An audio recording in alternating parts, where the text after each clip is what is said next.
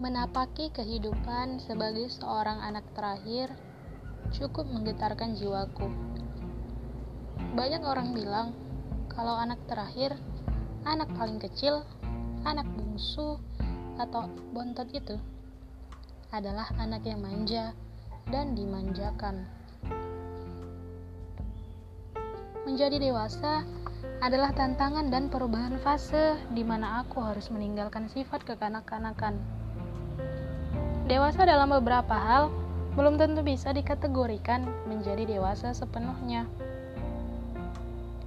Sekarang aku sedang berproses mengenali jati diri, mencintai diri sendiri, dan mengayomi. Pertemanan dengan orang-orang yang sebaya atau usianya di atas kita itu bisa membuatku lebih nyaman. Namun, Ketika berteman dengan orang-orang yang usianya lebih muda dari aku, aku tetap memperlakukannya sebagai seorang teman. Di sini, aku berusaha untuk benar-benar menjadikan mereka sebagai adik, bukan teman yang mengayomi dan ada perlakuan sebagai orang yang lebih dewasa.